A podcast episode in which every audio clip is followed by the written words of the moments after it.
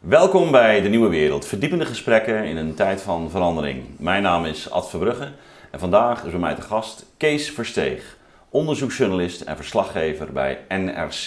En we gaan het hebben over zijn net verschenen boek Schaduwleiders en vooral ook wat dat betekent voor leiderschap.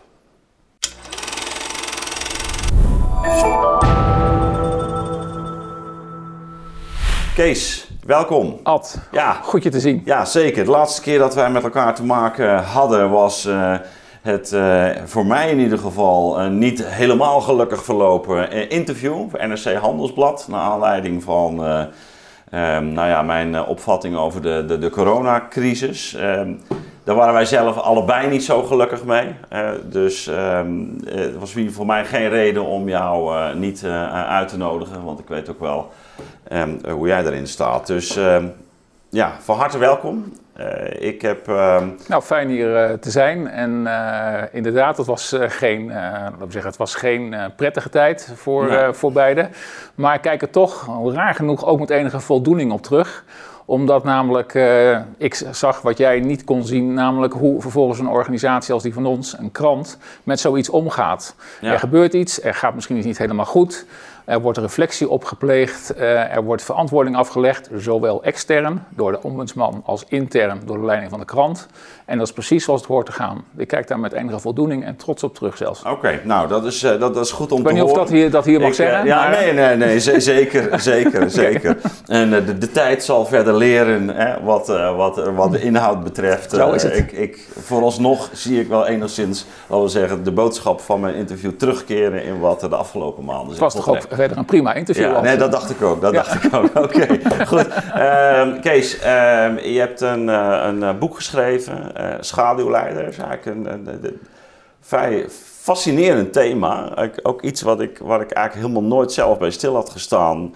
Eh, maar waarvan je toch ook wel duidelijk maakt dat het echt een fenomeen is. Eh, ehm, nou, eerst daar maar eens over. Schaduwleiders. Wa- wa- waar hebben we het over en hoe kom je erbij om daar een boek over te schrijven van nou, bijna 350 bladzijden volgens mij. Ja, dus, inderdaad, eh, eh, inderdaad schaamteloos veel, klopt. Ja. Ja. Wel kleine bladspiegel, dat wel. Maar ehm, ja, hoe, eh, hoe kom je daarop? op? Eigenlijk is de bron van dit boek is een gesprek onder vrienden. mhm. Dat eh, was ongeveer acht jaar geleden. En eh, die vrienden die stelden zichzelf de vraag: eh, bij welke bestuurder of politicus zou je graag willen werken? Wie bewonder je? Mhm. wie inspireert jou zo dat je zegt van desnoods leg ik er geld op toe, maar ik ga voor hem Ja. of haar ga ik werken. Voor een intrigerende vraag kwam er niet goed, goed uit. De toenmalige burgemeester van, van Amsterdam, geloof ik, kwam onder andere langs. Maar voor de rest bleef het toch een beetje stil. Toen hebben de vraagstelling iets verlengd van zijn er mensen misschien in het verleden die je, hebben, eh, die je Ja. inspireren en die misschien niet de eer en de aandacht hebben gekregen die ze verdienen. En toen kwam we op de persoon van Jan de Koning uit. Jan de Koning is nu een relatief onbekend eh, politicus, 1994 overleden, maar zeer belangrijk geweest voor de totstandkoming van het CDA. ja. En zeer belangrijk, en dan komen we in de buurt van het fenomeen, het thema van politieke duo's, zeer belangrijk voor het premierschap van Ruud Lubbers. Ja. Eh, daar komen we ongetwijfeld straks nog meer Ja. eh, over eh, te spreken. En eh, ik ben daar verder ingedoken. Een van de vrienden had een eh, oratie voorbereid die eigenlijk over dit thema ging, over, over duo's, maar dan vooral ook in het buitenland. Waar veel meer aandacht voor dit eh, thema is, met name in Amerikaanse en Anglo-Saxische literatuur in het algemeen vind je daar vrij veel eh, over. Eh, maar hij heeft uiteindelijk voor, om reden die ik verder niet meer eh, me kan herinneren, heeft hij voor iets anders gekozen. Maar hij had dus veel aantekeningen. Dus ik kon via Jan de Koning en Ruud Lubbers kon ik dus een verdiepende slag gaan maken. En ben ik me daarin gaan eh, verdiepen. En vervolgens ehm, is dan de vraag, ja, waarom, wat, wa- wat pak je dan daar zo aan? Hè? Van waarom denk je van, hey, dit is Ja. iets waar ik inderdaad die 350 pagina's over wil schrijven? En sinds 2013, dus ik ben er ook wel even mee bezig geweest. Nou, dat merk je ook wel. Hè? Het is eh, echt gedocumenteerd. Ja. Het is echt het werk van, eh, van vele jaren onderzoek. Ja, En, ja wel eh, vrije tijdwerk allemaal. En dat mensen denken van, oh, je hebt inderdaad die acht jaar volledig mee bezeg geweest. Ik had gewoon een baan bij de krant intussen. Maar er zijn eigenlijk drie thema's die daarbij van belang zijn, die mijn, die mijn drijfveer vertegenwoordigen. En die, die maken dat ik dit belangrijk vind om over te schrijven en over te vertellen. Dat is in eerste plaats hoe leiderschap zich vormt, zich ontwikkelt. De bochtige, zeer moeilijke weg eh, naar de top. waarbij uh, soms schaduwfiguren, tweede mannen, een, een, belangrijke rol achter de schermen spelen. En die rol is soms veel fundamenteler, die is breder, hij gaat dieper, hij is intenser dan we ons soms realiseren. En dat was in ieder geval bij Jan de Koning uh, zo. Ja, ik vond het ook buiten, buitengewoon verhelderend. Hè? Dus me niet gerealiseerd dat bijvoorbeeld zo'n de Koning zo'n rol had gespeeld. Hè? Tot en met het moment van vertwijfeling eigenlijk bij Lubbers. Hè? Waarin hij in gebed verzonken is. Gebed verzonken, daar beginnen en, we. En, en, en dan uiteindelijk, nota bene, voor hemzelf ook volstrekt onverwacht geroepen wordt eigenlijk door die de koning om, om uh, het CDA leiderschap op zich te nemen. En, wat, wat, ja, en vervolgens drukt hij natuurlijk een stempel ja, op ons land in de jaren tachtig. Absoluut. dat is, dat, maar dat doet hij dus samen met inderdaad uh, Jan de Koning. Maar als je ziet bijvoorbeeld als Ruud Lubbers overlijdt, dan heeft bijna niemand meer over Jan de Koning. Nee, precies. Die, die, die verdwijnt gewoon achter de hoor. Die is al lang verdwenen. Er zijn er een enkele columnist uh, in Trouwen geloof ik die nog... ja, wacht even, er was ook nog iemand anders uh, die straks aan Maar de, zulke mensen worden vergeten. En ik probeer ze eigenlijk een beetje weer aan de, de schaduw van de geschiedenis te ontrukken op deze manier. Maar goed, dat is één, dus leiderschap. Twee is democratie. Um, als wij over democratie denken en over wat nu een uh, vaak terugkerend thema is van macht en tegenmacht, mhm. denken wij vaak in formele arrangementen. Ik, noem, ik, noem, het even kortweg de drie P's: het parlement, de pers en de partij. Maar er is, uh, hier zit ook een heel belangrijke vorm van tegenspraak, namelijk de tweede man die voortdurend, of voortdurend in ieder geval op belangrijke momenten, de leider een spiegel voorhoudt en zegt van, zou je dit nou wel zo wel doen? En gaat wrikken en gaat schuren enzovoort. En ehm, dan komen ze ergens op uit. En de invloed eh, van deze liefdevolle criticus, als ik hem zo mag noemen, hij is liefdevol, want, want hij is ook, hij probeert ook die leider beter te maken op die manier. er is van de loyaliteit staat, uh, die, staat, die is boven twijfel verheven. Ja, bij dit soort figuren dan. Hè? Bij dit soort figuren. Precies, ja. En als dat niet boven twijfel verheven is, dan gaat het ook mis meteen. Hè? Nou goed, dus, dus, dus die, die vorm van tegenspraak, die is ook, dat moet je realiseren, die is ook in een democratisch proces heel erg belangrijk, maar die onttrekt, ons die onttrekt zich voor een groot deel aan onze waarneming. Een andere uh, reden voor die democratie, of voor, uit het oogpunt om dit belangrijk te vinden, is de lange lijn. Het zijn allemaal uh, duo's die ik beschrijf, die zeer lang, meer dan een decennium elkaar kennen. En natuurlijk niet altijd eh, intensief met elkaar hebben samengewerkt, eh, maar uh, ja, toch soms 12, soms zelfs 15 jaar met elkaar hebben, hebben gewerkt. Dat is een waanzinnig lange tijd, in, zeker in de kortademige politiek van, van nu. Het is goed om dat je te realiseren en het belang daarvan, de waarde van je tot je laten doordringen, want dat, dat geeft namelijk hou vast. Dat geeft een soort van stabiliteit, dat geeft uh, vertrouwen die politici, die bestuurders in deze turbulente tijd uh, heel erg uh, nodig hebben.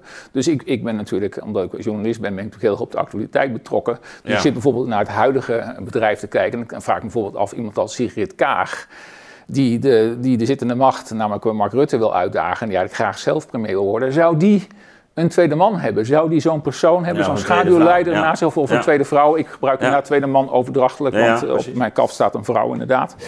Um, dat vind ik een fascinerende vraag uh, en ook een relevante vraag, omdat wat je namelijk vaak ziet is dat de krachtigste duo's ontwikkelen zich in tijden van een nieuw tijdperk. Dat er heel veel onzekerheid, dat er breuklijnen zijn. Er gaat ook heel veel mis, er is heel veel uh, crisis, kwetsbaarheid. En uh, dat zou voor haar nu ook uh, kunnen gelden. Dus ik ben heel benieuwd of zich iemand daar of zich achter de schermen aandient die die rol zou kunnen gaan, gaan spelen. Dus leiderschap hebben we het over gehad, democratie en er zit ook nog een persoonlijke drijfveer bij, element in. En dat is de rol die de journalist tegenwoordig speelt, de, die de media spelen. Ik zit zelf meer dan 30 jaar in het vak ja.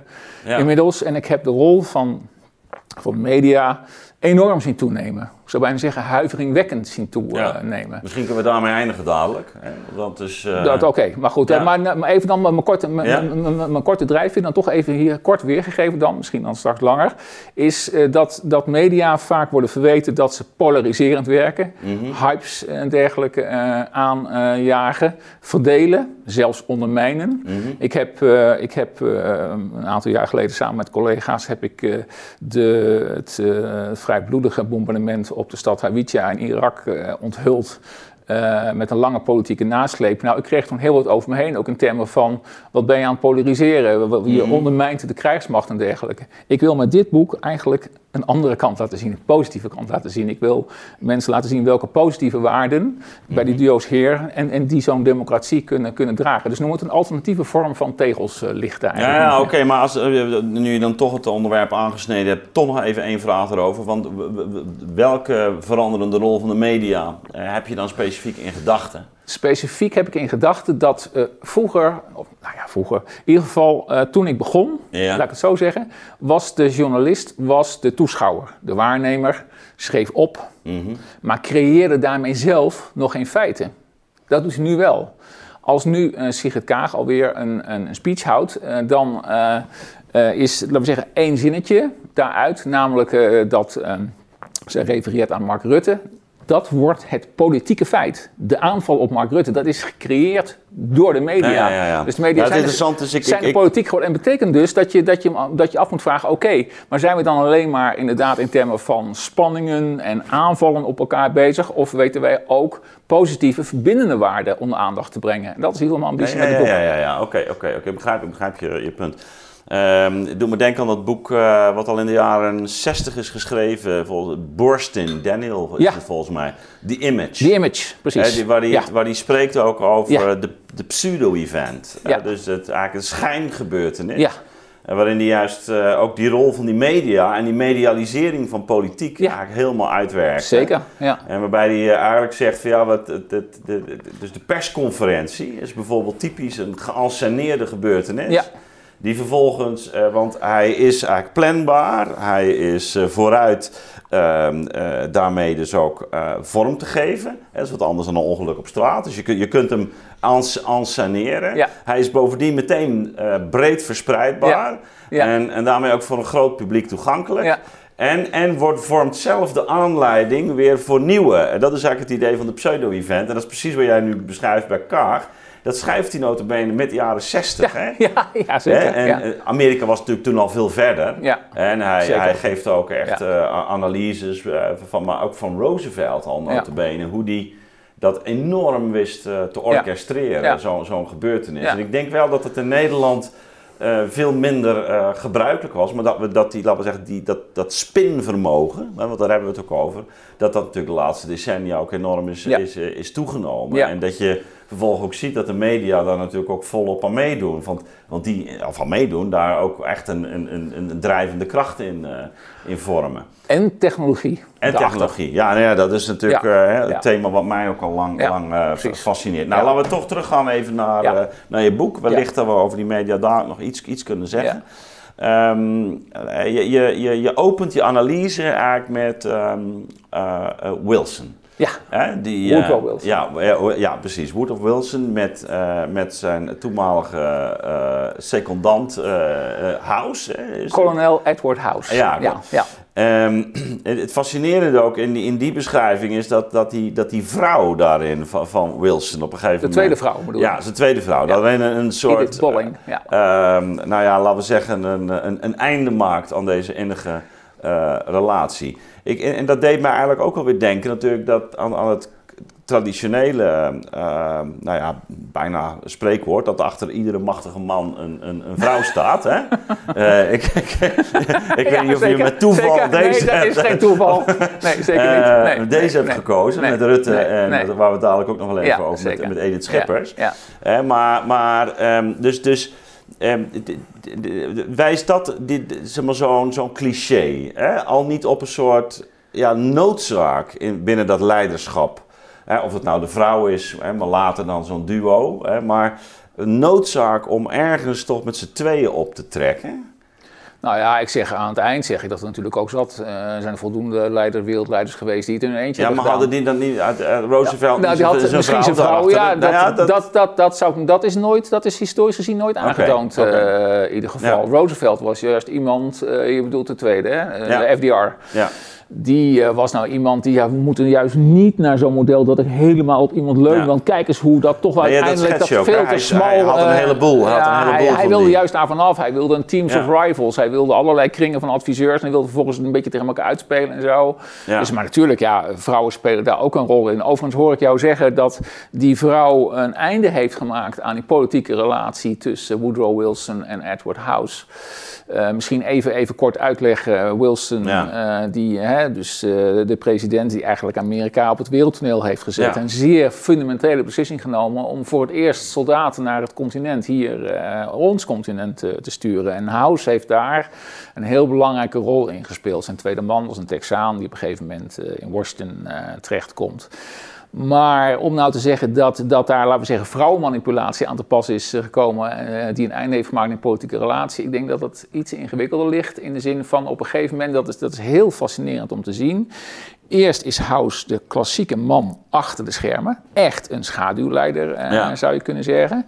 Maar op een gegeven moment krijgt hij een formele rol. Dan krijgt hij de rol van hoofd van de Amerikaanse delegatie. Ja, de onderhandelingen gaan doen ook. Hè? Ja, in Versailles. Ja. Zeer belangrijk. Dat wil zeggen, als de president niet is. Want eigenlijk is de president ja. uh, Woodrow Wilson uh, is het. Maar dan krijgt hij dus een formele rol waar hij ook formeel op kan worden afgerekend. En hij haalt dan voor Wilson niet binnen wat Wilson wil binnenhalen nee, dat, dat, van collectieve veiligheid. En dat is zeer belangrijk geweest voor het einde van, nou ja, daar hebben allerlei mensen zich op gestort, inclusief zelfs Sigmund Freud. Ja. dat was mijn reden ook, om, om hier om ook op te storten. Want het is natuurlijk wel fascinerend als zelfs de belangrijkste psychoanalyticus zich daarmee bezig gaat houden. Ja, maar goed, je, je, je, op een gegeven moment voer je ook wel die vrouwen op en dat dat niet boterde. En dat nee, zeker, dus zeker. Het boterde absoluut niet. nee, het waren absoluut rivalen ik, kwam, nee. ik kwam er even op, op naar aanleiding Je wilt er wat fuller achter elementen erin brengen. Ja, ja, ja. ja, ja. Um, maar maar um, uh, kijk, uh, wat, wat denk ik ja, ook, ook met het oog op waar, waar we nu in zitten, politiek. Hè? Want uh, dat, ja. zijn wel de vraag ook, wat betekent leiderschap? Uh, er wordt toch ook wel gesproken over een, uh, een leiderschapscrisis. sommigen zeggen, nou, misschien zitten we inderdaad in, in, in, in een overgang. Zou elkaar het zijn, je, je refereert er zelf al aan. Um,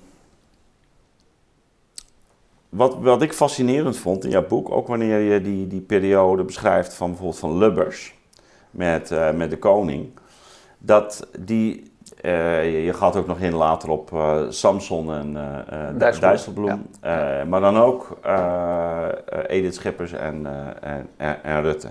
En daar, daar, daar zie je ook dat, laten we zeggen, de rol respectievelijk van die, die schaduwleiders ook echt een andere is. Wat de koning doet, is echt, echt iets anders dan wat, wat Schippers doet. Zeker, goed gezien. En, en, um, en wat, wat ik me afvraag of dat is, laten we zeggen, dat schaduwleiderschap, hè, zoals bijvoorbeeld dat door Schippers is uh, uitgeoefend, um, ook niet echt iets zegt over, laten we zeggen, de, de deels van de malaise waar we nu, waar we nu in zitten. Ook bijvoorbeeld rond uh, nou ja. de hele kabinetsformatie. Ja. Maar laten we dan misschien, om dat helderder te krijgen, toch eerst uh, is weer even teruggaan naar die Lubbers en de, ko de koning. Um, we, we, ik zou eens kunnen omschrijven um, wat, wat Lubbers en, wat, wat eigenlijk voor soort. Wat, wat deed die de koning ten opzichte van Lubbers? Wat, wat was zijn uh, rol in, in, in. Want uiteindelijk komt er natuurlijk de leider Lubbers uit. Zeker. Maar dat is hij ook mede door die positie van, van, van de koning. Sterker, de koning ja. die, uh, zelf, die was zelf aangewezen door als, Dries van Acht als ja. opvolger, maar die doet een stapje terug. Ja. En die zegt eh, tegen Ruud uh, Lubbers, jij moet het doen. Dat is een werkelijk uniek gebaar natuurlijk in, de, in, de, in de politieke ja, die, geschiedenis. Je had ook uh, kennelijk de zelfkennis om te weten van dit, dit is niet ja, ja, iets voor mij. Nee. Maar even om op je vraag terug te komen van hoe zat het nou eigenlijk precies tussen die twee? Wat deed die nou met elkaar? Dat begon eigenlijk heel politiek en heel bestuurlijk. Ze komen elkaar tegen voor het eerst op een CDA-congres, een oprichtingscongres 1975. Ze zijn allebei zijn ze uh, politici uit uh, eigenlijk nog van een zuil. Ja. Uh, Ruud Lubbers, afkomstig uh, van de katholieke zuil, is bij de katholieke werkgevers actief geweest, bij de KRO. Jan de Koning zit bij de gereformeerden, bij de protestanten, die komt uit, uit de christelijke boeren- en tuindersbond. Ziet gewoon heel mooi nog dat verzeilde tijdperk, zie je daarin eh, in terug. En die moeten met elkaar gaan dealen. Want er moet één partij komen. Ja, de dat is koning gewoon het heeft oorlogsachtergrond, hè, verzetsman geweest Oorlogs, ook. eh, ja. verzetskrantjes rondgebracht. Nog een Russische piloot, geloof ik, ook nog een tijd lang eh, verborgen gehouden. Dergelijke. Hij heeft hier ook een, eh, een, een, eh, een, eh, decoratie voor gekregen na de oorlog. Ehm, dus heel belangrijk, eh, die, die, die, die, verzuiling. Zij moeten dus, het mag, dus moet marsvorming tot stand eh, komen. Ja. Moeten die, die, die, die, er waren- er was nog een partij, de CAU, die moeten tot één hechte eenheid worden gesmeed. En ehm, Jan de Koning is heel belangrijk om het tegenstribbelende protestantse kamp, want er zaten veel ARP'ers, veel gereformeerden die het allemaal niet zagen zitten met die katholieken, die heeft hij dat, eh, dat CDA binnengeleid. Heel belangrijk geweest eh, voor, eh, voor... Ja, dus die, die, die eigenlijk in staat was om, om, laten we zeggen, het sociale werk te doen. Van de, het, het, het overbruggen van het verschil. Daar was hij beter in dan Lubbers. Mm, Zou je kunnen zeggen, inderdaad. Hij had in ieder geval veel meer gezag in de gereformeerde dan Lubbers dat ooit Ja, zou kunnen hebben gehad. Maar, maar hij had ook, eh, hij had ook bij, dat was het fascinerende Jan de Koning, hij had ook bij de katholieken had eh, Jan de Koning gezag. Ik heb bijvoorbeeld iemand als, Ru- als eh, Onno Ruding over Mhm. Jan de Koning gesproken.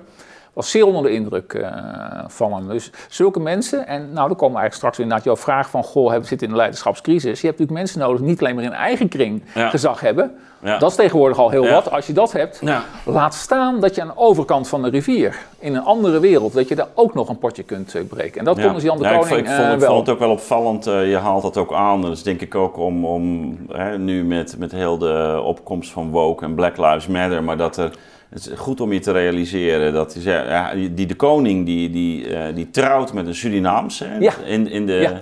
Dat is de jaren Molly. 50 geweest, Ja. denk ik, hè, of zo? Of ja. zoiets. ja, ja, ja, ik weet niet precies met mijn hoofd, maar ergens jaren 50, begin Ja. jaren 50. In Ja. de jaren 50. Hè, maar er staat bij van ja, natuurlijk was het wel even slikken voor, voor eh, de ouders van de koning. Maar toch een stuk minder erg dan zijn zus, Die, die met een katholiek heel goed. aankwam. Ja, ja, precies. Ja, ja. En dan denk je, ja, dat is toch goed om je te realiseren. hè? Dus als we het ook hebben over discriminatie en maar hoe dat tussen die zuilen, die, die, die polarisering. Ik heb er nog een eh, restantje van meegemaakt. Hè. Mijn, Ja. mijn zus kwam ook met een katholiek, eh, hè, maar ik kom uit een protestantsnest. Ja. Nou, dat was, dat was natuurlijk al een generatie verder. En met mijn ouders hebben dat verder heel, eh, denk ik, eh, zeker ook Keurig. keur- keurig gedaan. en Geen bezwaar. Maar je voelde wel dat het nog steeds, eh, eh, ja, het was toch even slikken. Het was toch even Dus slikken. keek toch een portemonnee na aan het eind van de avond. nou ja, dat is de, maar, maar, maar, maar inderdaad, de, de verhouding van protestanten tot katholieken, zo lag het dus wel, zo, Ja. zo heftig. Ja. Dus hij was in staat om, Om Om- die kloof te overbruggen, die polarisatie te overbruggen. ja, En inderdaad een nieuwe formatie eh, te smeden. Dat is één, een belangrijke rol geweest. Een andere is een meer persoonlijke toevoeging geweest van Jan de Koning. Eh, Ruud Lubbers was een heel bijzonder politicus. In de zin van zeer briljant, economisch, economische achtergrond, maar ook onnavolgbaar. Ja, Eh, ja, je kon zijn redeneringen niet, eh, niet, niet volgen. Ja, ik haal ook inderdaad ook een... eh, ja, precies, ja. En, eh, ja, dus, eh, want wij weten nu waar we het over hebben, maar je haalt op een gegeven moment een antwoord aan de Kamer en daar is werkelijk geen, Ja, geen touw, aan vast te knopen. Nee, nee, nee. Maar goed, maar, maar goed in ieder geval, ehm, eh, Jan de Koning die brengt hem tot rust eigenlijk. Want, want hij zwiebelt alle kanten op. Eh, hij, hij is zeer creatief, eh Ruud Lubbers. Hij heeft eh, voor één oplossing, eh, nee, sorry, hij voor, eh, wat zeg je nou ook alweer? Voor, voor, één- voor, hij heeft tien oplossingen voor- voor, voor één één probleem. probleem. Ja, dat heeft Hans Wiegel ooit gezegd. Ja. Hij heeft meer oplossingen dan wat de problemen zijn. Nou, in ieder geval... ehm, eh, in de, in de psychologische zin, dan komen we toch een beetje in psychologie terecht. eh, dat kan bij niet anders in, bij zo'n thema. eh, heeft Jan de Koning een belangrijke rol gespeeld te zeggen van... oké, je kunt steeds wel een nieuwe oplossing zitten verzinnen... maar nu moeten we, in het landsbelang, moeten we gaan kiezen. Nu. Dat, je moet je voorstellen, dat, dat kunnen wij niet... maar als er iemand zegt van, zo gaan we het doen. Eh, alles overwegen, maar zo gaan we het doen. Dat was een intens moment van eenzaamheid eh, ook. Van, oh jee, gaat dat wel goed? Maar zo moeten we het doen. Als er dan iemand naast hem staat en zegt van ja, zo gaan we het doen. Want je, je, moet nu eh, echt gaan, gaan kiezen. Dat is natuurlijk van immens belang voor zo iemand. En dan moet je er alweer de context van die tijd bij voorstellen. We zaten in een diepe, diepe economische recessie. Ja. Eh, We hadden veel werkloosheid, veel jeugdwerkloosheid ook. We hadden een gigantisch financieringstekort. Er moest hard ingegrepen worden met grote sociale Ja, dat was de, gevolgen. de verbeelding was aan de macht geweest. Met- Met, geloof ik 12 procent Ja, we- nou ja, het was daarvoor met Dries van Acht en ja, die ook al. ja, dat was precies. Dat was, eh, Maar Maar, uh, nee, ja, maar, maar en, en dan moet je dus diep gaan ingrijpen. En, en, en dan moet je je dus Ruud Lubbers voorstellen. Ruud Lubbers uh, had, die, was een, uh, die kwam uit een bedrijfsleven, had een, een rijke familieachtergrond. Ja. De man met de gouden lepel. Die gaat ingrijpen. Ja die voelt zich, voelt zich daar bij voorbaat al onzeker over, onschuldig over, of schuldig over. En dat is de reden waarom hij ook in gebed verzonken is voordat hij aan zijn taak uh, Ja, maar hij wil er eigenlijk uit. Hè? Hij wil er eigenlijk uit. Hij wil weg, hij wil terug naar zijn bedrijf in Krimpen IJssel. Ja. En dat er dan iemand is die hem gewoon erbij houdt en zegt van jij gaat dit doen. En ook nog eens een keer zegt van oké, uh, allemaal leuk, uh, al die berekeningen en zo. Want hij was heel goed in berekeningen maken allemaal, Lubbers.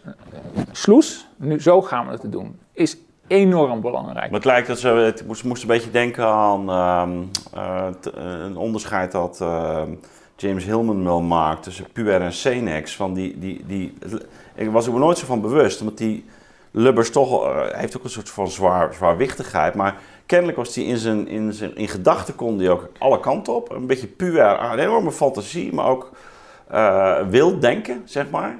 Uh, maar die, die, die, de koning is dus, die, die, heeft dus iets van een mentor, iets van een Senex. Ja. Iets, iets hij is ook een ouder, hè? Ouder. Oudere broer. Uh, maar die, die ja. alsof hij hem dus uh, verankert of zo. Ja, maar ook In dus die... kalmte geeft kalmte. en zekerheid ja, en grond geeft. Ja. Ja. ja. Dus de, maar dat, dat werkte dus enorm goed. Ja. Ja. Dus, de, dus de, de, de, de, ja, de, de brieën van, van Lubbers en, Ja. en de soliditeit van, uh, van Ja. de koning. En, en eh, nog iets wat mij opviel ook in die beschrijving, is dat, dat bij Lubbers dan die politiek toch, een, eh, het was toch iets van een... ehm, en, en, en volgens mij is hij daar dan wel integer in.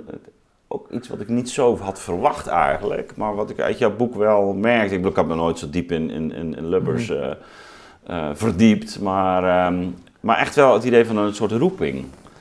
Dat hij toch, dat hij Ja. toch, eh, dat hij, en ook dan vindt dat hij het, dat hij het volk of zo, de, dat hij Ja. moet voorgaan. Ja. Dat hij een voorgangersrol Ja, hij een heeft. voorgangsrol. Dat heeft hij inderdaad eh, mij over verteld. Heeft hij ook Theo Brinkel destijds, vlak nadat zijn premierschap was afgelopen, over verteld. Ik heb dus Ruud Lubbers eh, een aantal jaren voordat hij overleed gesproken. En hij was nog steeds inderdaad van die school, zou ik maar zeggen, dat je meer moet zijn dan een manager. Ja. Eh, maar het is Ruud Lubbers uiteindelijk ook niet gelukt hoor. Eh, heel veel mensen in die tijd die vonden hem uiteindelijk ook een Toch- manager toch, die, ja. alle, die, die, die ook een beetje met alle winden meewaaide. En op een gegeven moment ook eh, koos voor het meest haalbare. En waarbij de, dat zie je op een gegeven moment, bij Merkel zie je precies hetzelfde, dat die partijideologie eigenlijk zo vervaagt. En dat je op een gegeven moment ook niet meer weet van zit hier nou een CDA-premier of een PvdA-premier. Dus eh, er zit wel dat verlangen in. En hij, hij noemt er trouwens een specifieke context bij. Hè? Het gaat hem over de Belma-ramp. Nou ja, Ik weet ja, niet meer in welk ja. jaar dat eh, was met een Belma-ramp. eh, nog een klassieke foto van... van Ja, begin van Ruud- ik denk 92 of zo. ja, zoiets. Ja, van Ruud Lubbers en, eh, en met, met Beatrix, hè, met wie hij ook een zeer nauwe band had. Ja, dan moet je dus inderdaad in de betekenis geven van zo'n ingrijpende gebeurtenis. Daar moet je inderdaad als premier in voorgaan, als het eh ware. Maar ja, dat zou, je Ik- bij, dat zou je bij Rutte toch ook wel kunnen horen waar het gaat om eh, de, De MH17. MH17, absoluut. Maar de MH, ja, ik weet niet dus of eh, eh, Rutte die ambitie had. Wat hij, hij, hij heeft sterk geacteerd, meteen daarna met die persconferenties, weet ik nog Ja. wel. Maar wat uiteindelijk in mijn herinnering daar het meeste blijft, zijn de beelden. De beelden van de, van de terugkeer van de kisten. Absoluut. heb Uit ik de. Oost, eh, Oost-Oekraïne. Daar zie je eigenlijk de rol van de technologie vooral weer. Hè, van televisie. zie je Ja, sterk- nou, ja, maar het heel was, het sterk was, het was, actief het was heel sterk vormgegeven. Heel sterk vormgegeven. Enorme Vond- dat, eh, vond ik- dat, regie. dat, valt, dat valt me, dat, dat vond ik trouwens bij het eh, huwelijk van ehm, Willem-Alexander ook. Dus Ja. die, dus die Ja. soort, er is een, dus een traditie rond het Ja. beeld in Nederland, Ja. hè, die, eh, die kennelijk eh, nu ook bij de televisie wel aanwezig is. Dus hoe werken met licht, met, echt, echt heel knap gedaan. Dus het is grappig dat je dat zegt. Want bij, bij, hè, bij, ik denk ook bij, bij het huwelijk van Maxima zal iedereen denken aan de traan. Precies. dat- ja, die door, maar- door, door maar- spoor maar- was... ja. Precies, maar de, de hele ansenering hebben we eigenlijk weer over media-event. Dus, Ja. eh, maar goed, dus, dus ehm, ja, dat, dat, dat is Lubbers. Eh, ik, ik, we slaan even toch eh, op dit moment, misschien dat je er dadelijk nog wat over wil zeggen als het nodig is, maar we slaan toch eventjes het, het andere duo, Samson en mm Dijsselbloem, over, omdat ik ehm, ja, vooral toch, toch ook naar, naar, naar Rutte toe wil. Ja, snap ik. Ja. Ehm, ja, bedoel, ieder, iedereen. eh, denk ik, die hem zo in de jaren 2007, 2008 bezig zat, had. eh, en, en terugdenken aan dat moment had nooit kunnen denken dat, dat hij in 2021 nog steeds. eh, Nee. hè? Nee, zeker niet. Nee. Ik heb nog een keer bij hem bij de Chinees gezeten. toen was hij staatssecretaris. Nou, gewoon een hele leuke man. Ik, bedoel, Ja. ik vind hem ook altijd heel aardig. Hè? Ja. Dus, dus dat staat verder helemaal buiten kijf. Het was de Maar, staatssecretaris van Onderwijs. ja, staatssecretaris was hij Ja. toen. Ja, en ik Ja. was ook met onderwijs natuurlijk in de weer. En, ja, ehm. Goed, maar ehm, hij heeft natuurlijk wel zijn, zijn, zijn, zijn, zijn vuurdoop gehad eh, met die Verdonk-affaire. Daar begon voor, en dat is ook waar je eigenlijk schippers eh, opvoert. Hè? Ja, ja. Dus, dus, dus, want wat, hoe, hoe zie je die relatie? We hadden het net over die relatie de koning, als een soort anker. Eh, nou, je hebt het beschreven op. Ja. allerlei momenten. ja. Eh, hoe, hoe zie je die relatie eh, Edith Schippers en, en, en, en Rutte? Ja. Vanaf dat begin, laten we het zo maar even. Ja, nou ja, er zit eh, wel een overeenkomst met de Lubbers en, en de koning waar het gaat om machtsvorming. Je moet je voorstellen, VVD zat toen in oppositie, ehm, eh, partij, ideologie, het beeld, het profiel naar buiten was sterk vervlakt, was, was na Paars een stuk eh, minder eh, geworden. Bolkestein was, eh, was weg, Ja. hadden, Van Aertsen hadden we Ja, dat was min of meer tussen. ja. de- de- de- ja, CDA op zich was een integere, man, maar Ja. precies, Salm dergelijke, toch meer een boekhouder, zo heet zijn memoires ook. Dus er moest weer een nieuw profiel komen. Te meer, daar net een aantal spraakmakers waren weggegaan. Ik geloof dat net in diezelfde tijd Hirsi Ali, Ayaan Hirsi Ali was vertrokken, was een grote affaire geweest. En de vrouw, grote vraag was, kan Verdonk dan dat profiel... eh, En, en Wilders, die, die en Wilders, die dan was moment- afgescheiden. Wilders was ook afgescheiden, heel ja, belangrijk. dus die, die, die, Precies, precies. die hijgde Ja. in de nek van... Die hijgde in het eh, nek. Die begon dus inderdaad met zijn PVV, dus inderdaad eh, van de VVD van rechts te bestoken. Dus wat doe je dan als, als partij? Dan, heb je dus, dan komt Rutte, die meldt zich als Josias van Aartsen plotseling de bruid eraan geeft. In, wat is dat, maart eh, 2006 eh, geloof ik, bij tegenvallende gemeenteraadsverkiezingen. Nou, dan komt de ambitieuze, vrij jonge Mark Rutte uit de Chinees eh, met jou eh, gezet. En die wil zich en meldt zich eh, voor het leiderschap. En ehm, ja, dan is dus even de vraag: eh, hoe doe je dat eh, als partij? Want ja, eh, Mark Rutte had niet bepaald een rechts eh, imago. Eh, Nee. Die had, was de JOVD-voorzitter geweest, ja. eh, basisinkomen. Wilde geloof ik ook nog een goed moment het Koningshuis afschaffen en dergelijke. Vrij wilde gedachten allemaal. Dus ja, ga je met zo'n man dan de strijd aan tegen, tegen Wilders? Dat was natuurlijk eh, iets wat veel mensen zich afvroegen. Eh, daar had je misschien eh, beter Verdonk voor kunnen hebben. Maar het probleem met Verdonk was dat ze heel veel mensen in de partij tegen zich in het harnas jaagden. Omdat ze wel heel erg op zichzelf was Ja. geconcentreerd. En nou goed, er valt nog veel meer eh, over eh, te zeggen. Ja, Mark had- Rutte had had wat dat natuurlijk- betreft een veel Ja. bindender, eh, veel we zeggen, gezelliger imago. Ja, zij gingen natuurlijk ook heel veel in met de botterbijl. Ja. Hè? Ik bedoel, dat, dat, dat- een beetje... Bijna, bijna een soort, soort in reactie op Wilders of zo. Dat Ja. zij ook zo'n soort... ja, ja, toch een beetje, een beetje botte toon had Ja. vaak. In de, eh, Ja. dus. Inderdaad niet, niet bindend. Nee. Dus eigenlijk is dus eh, de, eh, eh, Ede Schippers die vult eigenlijk het gat, zou ik bijna zeggen, tussen Mark Rutte en Rita Verdonk. Want Rita Verdonk die verliest uiteindelijk de lijsttrekkersverkiezingen. Mark Rutte wint die. Ja. Maar de grote vraag is dan, gaan we dan met Mark Rutte wel deze strijd eh, van Wilders eh, winnen? Ja.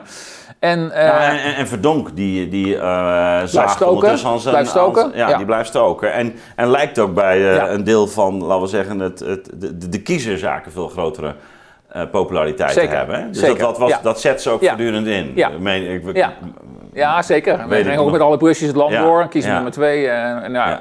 Enzovoort, enzovoort. Dus eh, dan zie je dat, eh, toch even ook weer naar die vergelijking met, eh, met Lubbers en, en de koning. Want ik heb daar machtsvorming genoemd, dus hier toch ook wel. Wil je als oppositiepartij überhaupt serieus genomen worden, dan zul je wel een eenheid moeten vormen. Ja. En als er dan iemand is zoals Rita Verdonk, die zich eigenlijk niet heeft neergelegd bij de nederlaag, maar blijft stoken, interviews blijft geven waarin ze twijfels blijft uiten en reserves blijft uiten over het leiderschap van Mark Rutte, dan moet je op een gegeven moment ingrijpen. Dat is echt een existentieel moment geweest in de, in de politieke loopbaan van Mark Rutte. Bij het CDA gaan afgelopen jaar gaan we, gaan we, gaan we, uh, wat gaan we met Rita Verdonk uh, doen? En daar inderdaad zie je dus die figuur van Edith Schippers uh, komen, die hem daarin als het ware bij de les houdt. Van ja, er moet nu ingegrepen worden. Mark Rutte is niet van het type van snel ingrijpen en mensen wegsturen en dergelijke. Nee. Helemaal niet. Dus die, het gaat zelfs zover dat op een gegeven moment is een bepaalde casus belli, zoals dat noemen. Dan heeft Rita Verdonk weer iets negatiefs over, uh, over Rutte gezegd. En dan zegt Rutte niet van, uh, oké, nu ga ik je eruit gooien. Nee, hij gaat naar de Telegraaf bellen waar dat stuk komt van, kun je dat stuk uh, niet, niet tegenhouden? Dat wil ik niet hebben. En dan probeert dan een koehandels van te maken. Dat is typisch Rutte op zo'n moment. Ja, ja, ja. ja, ja. En, dan, en dan gaat, maar dan weet dus Schippers hem toch van overtuigen om toch die laatste stap te zetten. Uh, Rutte die erkent dat ook. Die zegt van, Edith heeft mij op dat punt het laatste zetje gegeven. Er zijn heel veel mensen die later hebben gezegd dat zij het setje hebben gegeven, maar Rutte geeft de credits daarvoor aan Schippers.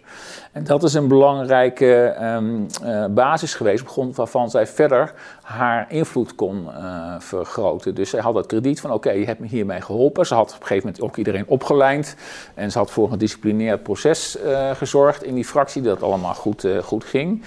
En wat je vervolgens ziet gebeuren is dat er nog steeds uh, veel uh, onrust blijft. Ook weer over het uh, verdwijnen van, van Verdonk. Van oké, doe het allemaal toch wel goed. En die onrust kanaliseert zich via de tweede man, tweede vrouw in dit geval, die zich als een klassiek verbindingsstuk eigenlijk opstelt. Verbindingsofficier moet je eigenlijk zeggen tussen de omgeving van de leider en de leider zelf. Want elke keer als Mark Rutte dan uh, voortijdige vergadering moet verlaten, omdat hij moet overleggen met de Eerste Kamerfractie op dinsdag. Op dinsdag vergadert altijd iedereen hè, aan het Binnenhof. Mm -hmm. Dus heb je de Tweede Kamerfractie aan de ene kant en de Eerste Kamerfractie aan de andere kant. En dan uh, was het in een paar uur dat, uh, dat Rutte voor zat. Op een gegeven moment gaf hij dus voorzittershamer gaf die aan zijn, zijn vervanger, aan Edith Schippers. En dan ging hij overleggen aan de overkant, zoals het heette. En dan pas toen pas barstte het los, alle onvrede die er nog steeds was over. Uh, ja, ja, ja, ja, En, en dat, en dat, dat, en dat, zij, dat hoort zij, dan. Zij en, kon kanaliseren. En, en, zij kanaliseert dat. Zij moet dat dan dus, laten we zeggen, voor hem bruikbaar maken. Dat hij er iets mee kan. Zoals Ben Verwaaien, die ik ook heb gesproken in het boek, uh, zegt van...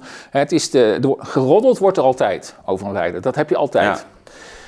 Maar op een gegeven moment moet een tweede man moet van die roddels, die moet, die moet daar die iets mee doen. Moet zeggen van, of het is allemaal gewoon uh, geklets uh, aan ja. de koffieautomaat, doen we niks mee. Of nee, hier zit een wezenlijk punt en hier moeten we iets aan doen en dan moeten we zus en zo doen. Dus in, die, in, in, in dat schakelen, in dat verbinden is zij ook heel erg belangrijk uh, geweest. Ja, nou, er is nog één element wat je er expliciet uithaalt en wat denk ik ook nou ja, raakt aan waar we dit gesprek begonnen. Dat is namelijk dat zij um, hem gaat, je zou kunnen zeggen, herstileren. Uh, dus een, um, ik, ik, was me daar niet van bewust dat zij daar zo de hand in heeft gehad. Um, dat betreft zelfs uh, het, het, afvallen. Je ziet op een gegeven ja, moment dat, dat die, zegt ze, ja. Hè, andere, ander soort ja. bril. Ja. maar, maar ook spelen eigenlijk... Ook, spelen ook voorlichters en dergelijke rol bij. Hè? Ja, ja, ja. Maar, maar, um, maar ook dus de keuze voor deelname aan bepaalde programma's. Ja. Dus de, ja. Um, en jij zegt zelf ook, geeft eigenlijk aan van... Ja, zij, zij, zij verkoopt hem op, in de zin van, hij wordt gewoon voor een ander publiek klaargemaakt. Ja. En, en, dus dat is helemaal, helemaal los van de boodschap, wordt hij eigenlijk... Hij moet ook over zijn persoonlijk leven gaan vertellen. Ja, wat hij zelf uh, niet wilde. Nee. Ja, hij was er zelf wat huiverig over. Hoe, hoe ben je dat nou op het spoor gekomen eigenlijk? Dus die, die, dus de... Nou ja, het is niet dat ik hier nou diepgaande onderzoeksjournalistiek naar heb gedaan. Maar ik uh, had op een gegeven moment wel een bepaald filmpje van hem gezien op YouTube. Uh, het speelt in februari 2010, belangrijke tijd. Het, het vierde kabinet Balkenende is net gevallen. Er komen verkiezingen aan in juni. Ja. En hij heeft echt die claim, wil hij opleggen op het torentje. Hij ja. wil premier uh, worden. Ja, nou, dan, uh, dan, uh, dan ga je natuurlijk wel even zitten. Maar hoe ga je dat dan doen? En dan zegt inderdaad, in, in diezelfde tijd verschijnt er dan een of andere, hoe heet het ook alweer? Ik ben Love for You van RTL 4. Een, een heel los georganiseerd talkshow met Carlo Boshart en Irene Moors. En die gaan, laten we zeggen, die nodigen hem uit om een satéetje te eten. En samen te koken en te praten over enzovoort. Uh, en, en dat is natuurlijk een totaal andere setting dan je daarvoor van, uh, van Mark Rutte gewend was. Die kwam misschien in Buitenhof. Even toen al bestond. Nou ja, No- zeker. Nova. Ja, zeker. Ja, serieus, hè? Hij las de biografie van Thomas Mann en dergelijke. Hij was helemaal door. Lyndon Johnson eh, geïntrigeerd. Zo'n man zet je dus in zo'n heel nieuwe omgeving. Dat is dus heel intrigerend, die overgang van de ene naar de andere scenery. En daar speelt zij een belangrijke rol in, omdat zij zegt eh, van, eh, tegen hem, ja dat moet je, moet je doen, want eh, luister eens, er worden op dit moment vrij negatieve verhalen over jou verspreid op social media, op YouTube. Jij bent de vrijgezel aan wie het Ja. land niet kan worden Ja, overgelaten. die, die, eh, wiens moeder de- nog de was zou doen. Wiens zo, moeder de was zou doen, dat, ja. dat beeld inderdaad. Nou, jij bent, laten als je, Ja. als je eigen was niet kan doen, dan kun je helemaal niet het land leiden. Dat, was, dat was natuurlijk gewoon toch een beetje het beeld. Hè? Want Job Ja. Cohen was de man die er wel even Ja. land zou gaan leiden. Dit, dit was de tegenstander. Dus jij, jij, moet, jij, moet, jij moet uit de schulp. Eh, jij moet gewoon iets meer over jezelf gaan eh, vertellen. Wat voor waanzinnig interessant leven jij eigenlijk eh, leidt. En nou, inderdaad, de Mark Rutte die naar New York gaat, die gaat skiën in Oostenrijk en die niet bij zijn moeder of, of bij, bij, bij, bij, bij de moeder geloof ik inderdaad, zegt ze zelfs in Putten, noemt ze het dan geloof ik, bij de kachel zit. Ja. Ja, nou, dat, dat, en daar zie je dus die dominantie van beeldvorming enorm, eh, zie je. eh, hè, die, die regie die daarachter eh, zit, die zie je dan naar boven komen. Ja, en want zo- ik- Jan de Koning zal dat bij, bij Nee, want zo, zo, begonnen, zo begonnen we dit gesprek. Hè? Van, en, en ook natuurlijk gewoon de, de veranderende rol van, van, van de media, maar ook wat, wat politici zelf doen. Nou is natuurlijk het, het verwijt wat Rutte ten dele is gevallen. Eigenlijk dat hij heel uitdrukkelijk de afgelopen jaren ehm, zelf ook al heeft aangegeven, ja, visie, hè? eh, daarvoor moet je naar, eh, wat was Moet je het naar- de opticien. Naar de opticien? Ja. dat is... eh, In het laatste dus een- rapport, kiezersrapport, werd hij juist op visie hoog gescoord.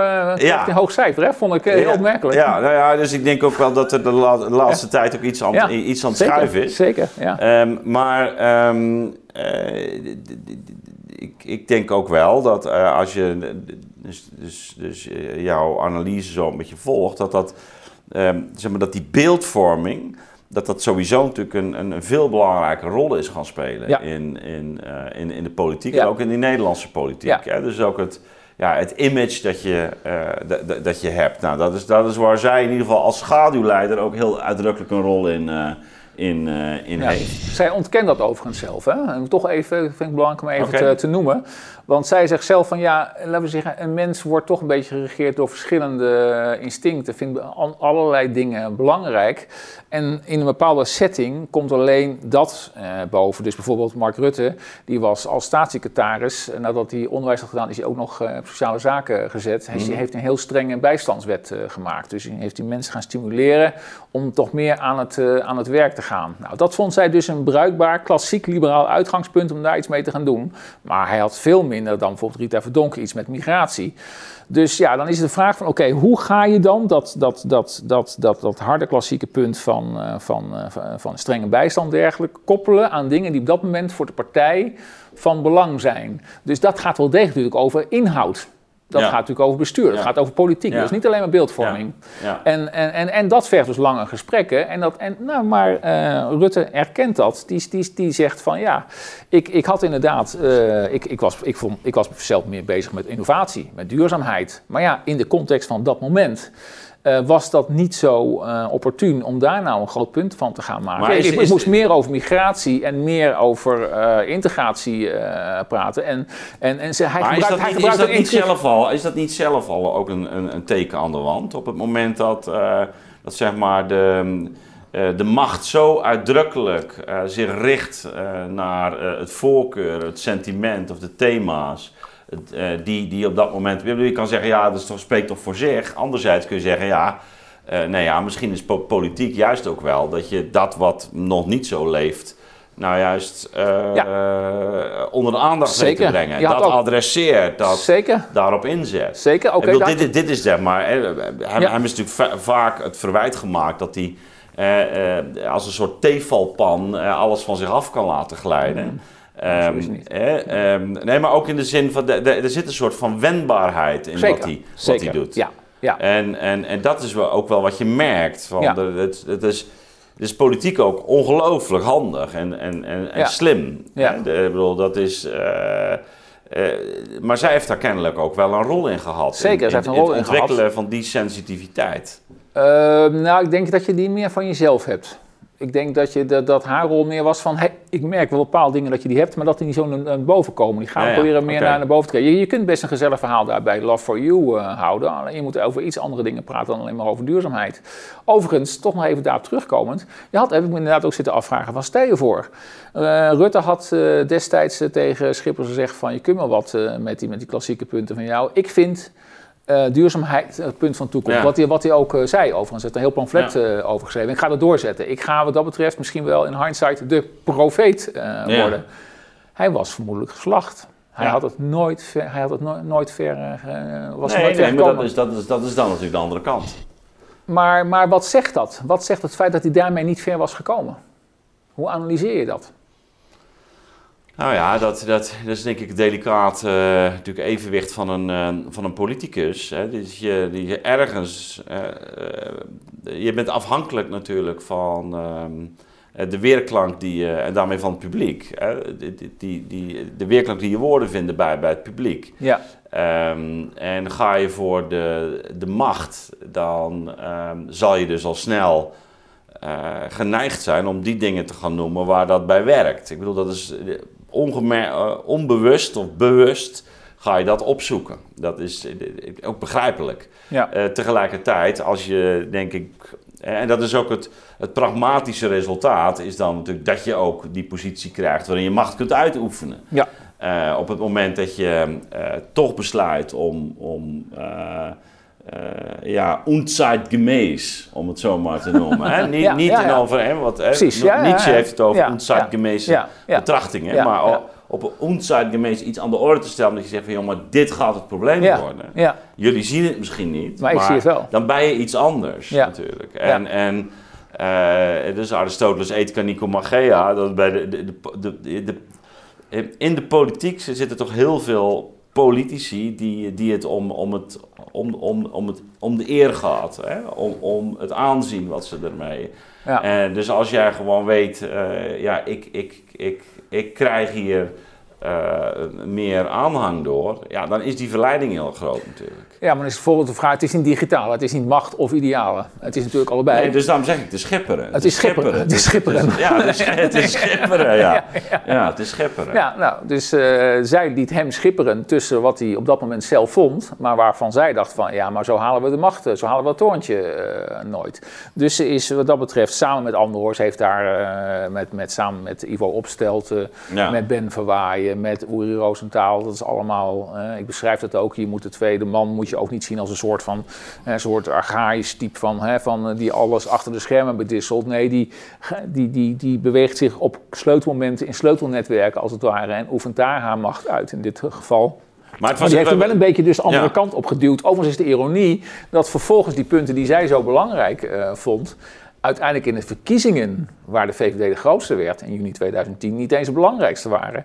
Want het ging toen niet eens meer zo over integratie en, eh, en migratie. Het ging te veel meer over de economie. want stand dat was de voor economie, haar ook echt hypotheekrente aftrek. die, maar, eh, maar, maar, maar dat was voor Rutte ook al. Daar, daar vonden Ja. ze elkaar sowieso al. Dat Nee, nee, maar ik bedoel, die, die migratie was voor haar ook echt, hè, want zij, zij is Ja, eigenlijk mede zeker. door, door Wilders. Is zij, eh, ja. de, de, de, Nou, Bolkestein heeft, heeft haar eh, Ja. zeggen, gemotiveerd om bij de VVD aan maar, te maar sluiten. Wilders was ook een mentor, hè? En, en Welton, Ja. ja. zeker, Wilders was een mentor. Ja, ja. daar had ze ook eh, duidelijk affiniteit mee Ja, met dat, eh, met, met dat Ja. thema. Ja. Maar, maar Heeft ook een sche- HJ schoollezing ook over gehouden ook, hè, in 2016. Nou ja, wat ik, wat ik dus ook wel fascinerend vind, en dat, dat, eh, ja, wanneer je dat leest ook in, in het boek, dan realiseer je dat ook, dat er eigenlijk op een bepaald moment natuurlijk ehm, thema's bijna een, een, een soort symbolische rol gaan spelen, waar mensen Ja. zich mee vereenzelvigen, waar ze hun identiteit aan Ja. ophangen, waarbij je ook wel de vraag is van, ja, maar hoe fundamenteel, hoe diep doordacht, hoe... Ja, nee, maar het heeft het soort, hè, eh, dat, ook dat bezuinigen, dat bezuinigen. Ja. Ja, dat is dan Ja. ook zo echt, ja, liberaal is bezuinigen, Ja, weet je wel? dat is, ja. dat is, No matter is- what. no matter what, we gaan bezuinigen. En, en ehm, daar, daar hoor je nu natuurlijk ook de kritiek op. Ja. Hè? Als je realiseert dat toen in dat kabinet met die gedoogsteun van Wilders... en dan waren ze blij dat ze 300 miljoen konden bezuinigen op de cultuursector, weet je nog? Ja, ja. Nou, 300 miljoen... eh, d- Schijntje. Dat is, Vergeleken met de bedragen die we nu Dat is nu uitgeven. een giller, Ja, weet je? ja, 300 ja. miljoen, dat, dat wordt nu op een ochtend uitgegeven ja, als iemand met een goede klacht komt. Ja, maar werd toen op een soort voetstuk gezet van hè, die 300 miljoen. Dat, die moeten we echt eh, halen. Want anders dan eh, gaan we onze bezuinigingsdoelstellingen niet halen. Nee, precies. Dus, dus het, het, het, en dat voelt ook. Dat vind ik ook heel fascinerend, ook wanneer je zo'n boek leest. Dan, eh, en, en, zeker ook in het, in het, in het licht van het heden. Ehm, ja, maar wat is daar nou ten diepste de, de, de, de, de, de, politieke identiteit? Wat, wat, wat, wat is dit? Weet je? Je omhelst dingen, en, en, maar is het nou heel diep doordacht? Zit er nou een heel echte. Of is het toch ook gewoon ja, wat in de tijd gewoon aanslaat, wat, waar je mee identificeert? En, nou ja, wat dan heel hot is. Ik mag hopen dat daar destijds over na is gedacht. Er zijn natuurlijk allemaal hoge ambtenaren voor uh, die kijken. Nou ja, nee, maar bedoel, je, je, je, als, je, weet... als je dan wordt de schuldenlast minder groot, uh, dan wordt de collectieve sector misschien kleiner, wordt Nederland als geheel misschien minder log enzovoort. Ja, daar kun je natuurlijk al ja, nee, maar, voorstellen. Ik, ik, had hier natuurlijk ook een, een, een, een maand of wat geleden... Een, uh, Wim Voermans. En die ook ja. laat zien van ja, die overheid die is alleen maar gegroeid. Hè? Precies, dat is, ja. En ook ja. dat budget ook, van zeker, overheid. Zeker ook onder dus, liberaal Rutte. Zeker ook onder liberaal Rutte. Hè? Dus, dus, uh, maar, maar, dus er gebeurt iets heel eigenaardigs. Dat is ook als je het hebt ook over, over media. Dus ja, het, zeker. De, dus de, de, ja, misschien afsluitend, want um, hoe, hoe, kijk jij vanuit wat je nu beschreven hebt en, en die dynamiek rond dat, uh, dat leiderschap? Um, en hoe die leider dus ook uh, ja, in die sp spiegeling of uh, inspiratie met die schaduwleider zich ontwikkelt. Maar ook, hoe je dat dus in de loop der tijd dus ook ziet ontwikkelen. Hoe, hoe, hoe kijk jij nu naar de, de huidige politieke ja, turbulentie of wat, waar, waar zitten we in? Nou ja, ik, ben de, ik, ik, stel mezelf een, een, aantal vragen. Misschien een beetje laf, maar uh, goed, maar je begint met een vraag en dan komt ja. je soms uh, ergens. Een goede journalistiek begint met een goede vraag, uh, heeft mijn hoofdredacteur geloof ik wel eens gezegd. Um, ik ben dus eerst plaats benieuwd wat degenen gaan doen die dus het, de, het, leiderschap van Rutte betwisten. Dus Kaag, hè, waar we het net ja. over hadden, van heeft zij inderdaad, hoe krachtig is dat leiderschap precies. Maar ik ben zeker ook heel erg benieuwd hoe dat verder gaat met Rutte en zijn opvolging. Want we zien gewoon uh, de laatste nou ja, maanden, misschien jaren, weten we niet, maar van het uh, tijdperk uh, Rutte. En hoe gaat de VVD dan daar vervolgens mee, mee om? Daar ben ik heel erg nieuwsgierig naar. In hoeverre en, en welke rol spelen media en technologie daar dan uh, bij? Is het dan de binnenwereld, wat je ze nu al ziet aftekenen, uh, die, laten we zeggen, die bijvoorbeeld naar mensen als Sophie Hermans een beetje neigt? Zien nu de eerste positieve stukken van haar uh, komen. Dus ik dacht van, goh, hier wordt iemand klaargestoomd, want die stukken die, die, die, die, die komen ergens vandaan. Die komen uit kokers van spindokters en dergelijke vaak. En de journalisten zelf spelen natuurlijk ook rol met hun voorkeuren. Ja. Uh, die, die analyseren en die, die maar dat komt, komt gewoon uh, ergens uh, vandaan. Ja, dat is dus dat eerste thema, dus dat die media ook gewoon medeschaakt op dat, Precies, op dat bord. die creëren daarmee politieke feiten. Hè? Want dan gaan ja. anderen zeggen, kijk eens, positief stuk en dergelijke. Ja, en moet je zien hoe ze... En dan moet je eens kijken, ja, ja. Oh, zo heeft het goed gedaan met de algemene beschouwingen. Weet je? Nou, dan krijg je dat en het gaat dan een eigen dynamiek krijgen, zoals dat heet. Of gebeurt er iets onverwachts, iets wat zich buiten die, buiten die, die, die, die, die die, die, stolp uh, afspeelt. Namelijk dat bijvoorbeeld iemand als, uh, als Edith Schippers zegt, of iemand anders van je luister is, uh, ik trek mijn eigen plan. Ik vind dat we die partij nu gewoon een heel andere kant op moeten trekken. Omdat bijvoorbeeld dat gat op rechts, zoals het dan heet, hè, dus de rechterkant van de VVD, dat dat te groot wordt. Ja. Dus we moeten gewoon iets anders gaan doen. Daar, daar is het fundamentele debat overigens de, tussen hun beiden steeds over gegaan. Hoe ga je daarmee om? Terwijl de VVD natuurlijk zelf al zeldzaam groot is. Hè? Ik bedoel, als je het vergelijkt met... Ja, maar al, ik weet dus niet wat er gebeurt als Rutte weg is. Ja. Misschien dat ze dan het CDA achterna gaan, weet je allemaal niet. In deze tijden van turbulentie kan alles. Ja. En jij blijft dit als onderzoeksjournalist volgen? Nou ja, dit was natuurlijk een boek, dus dit is laten we zeggen een uit de hand gelopen vrije tijdsproject, zou je kunnen, kunnen zeggen. Dit is natuurlijk typisch voor mijn collega's van, de, van de Haagse redactie, die ongelooflijk veel werk hier aan hebben aan deze thematiek, daar veel aan, aan doen. Maar ik zal het wel met veel belangstelling blijven volgen, ja, absoluut. Ja, ja het, uh, zoals ik het lees, dan lijkt het er toch wel op dat, dat Schippers mogelijk nog wel voor de dag komt. Maar is, we dat, zien, is de wens de vader van de gedachte? Nou, weet, nee, niet, niet, oh. niet per se, oh. niet per se, maar nee, nee dat, kan, dat kan ik niet zeggen. Maar ik acht het ik, zelf minder ik, waarschijnlijk overigens hoor, wil ik ja, even gezegd okay. hebben. Zij zegt zelf ook dat ze het niet zo waarschijnlijk vindt, omdat namelijk de politiek tegenwoordig, dus de, de nieuwscycli zijn zo snel, je veroudert ook heel snel. In de jaren 60 kon Nixon het zich nog veroorloven Ja, ja. om eerst tweede man te zijn geweest van, van Dwight Eisenhower. Was vervolgens, eh, wat is het, eh, van 60 tot 68 uit de politiek verdwenen en kwam toen toch nog terug. Dat is absoluut allemaal niet meer mogelijk. Zij is inmiddels nu vier jaar weg. Zij is nu eh, president-directeur van DSM Nederland. Nou, dat wordt een tour de force om dan weer terug te komen. Dus, ja, eh, nou, je ik- moet het inderdaad ook willen, ja.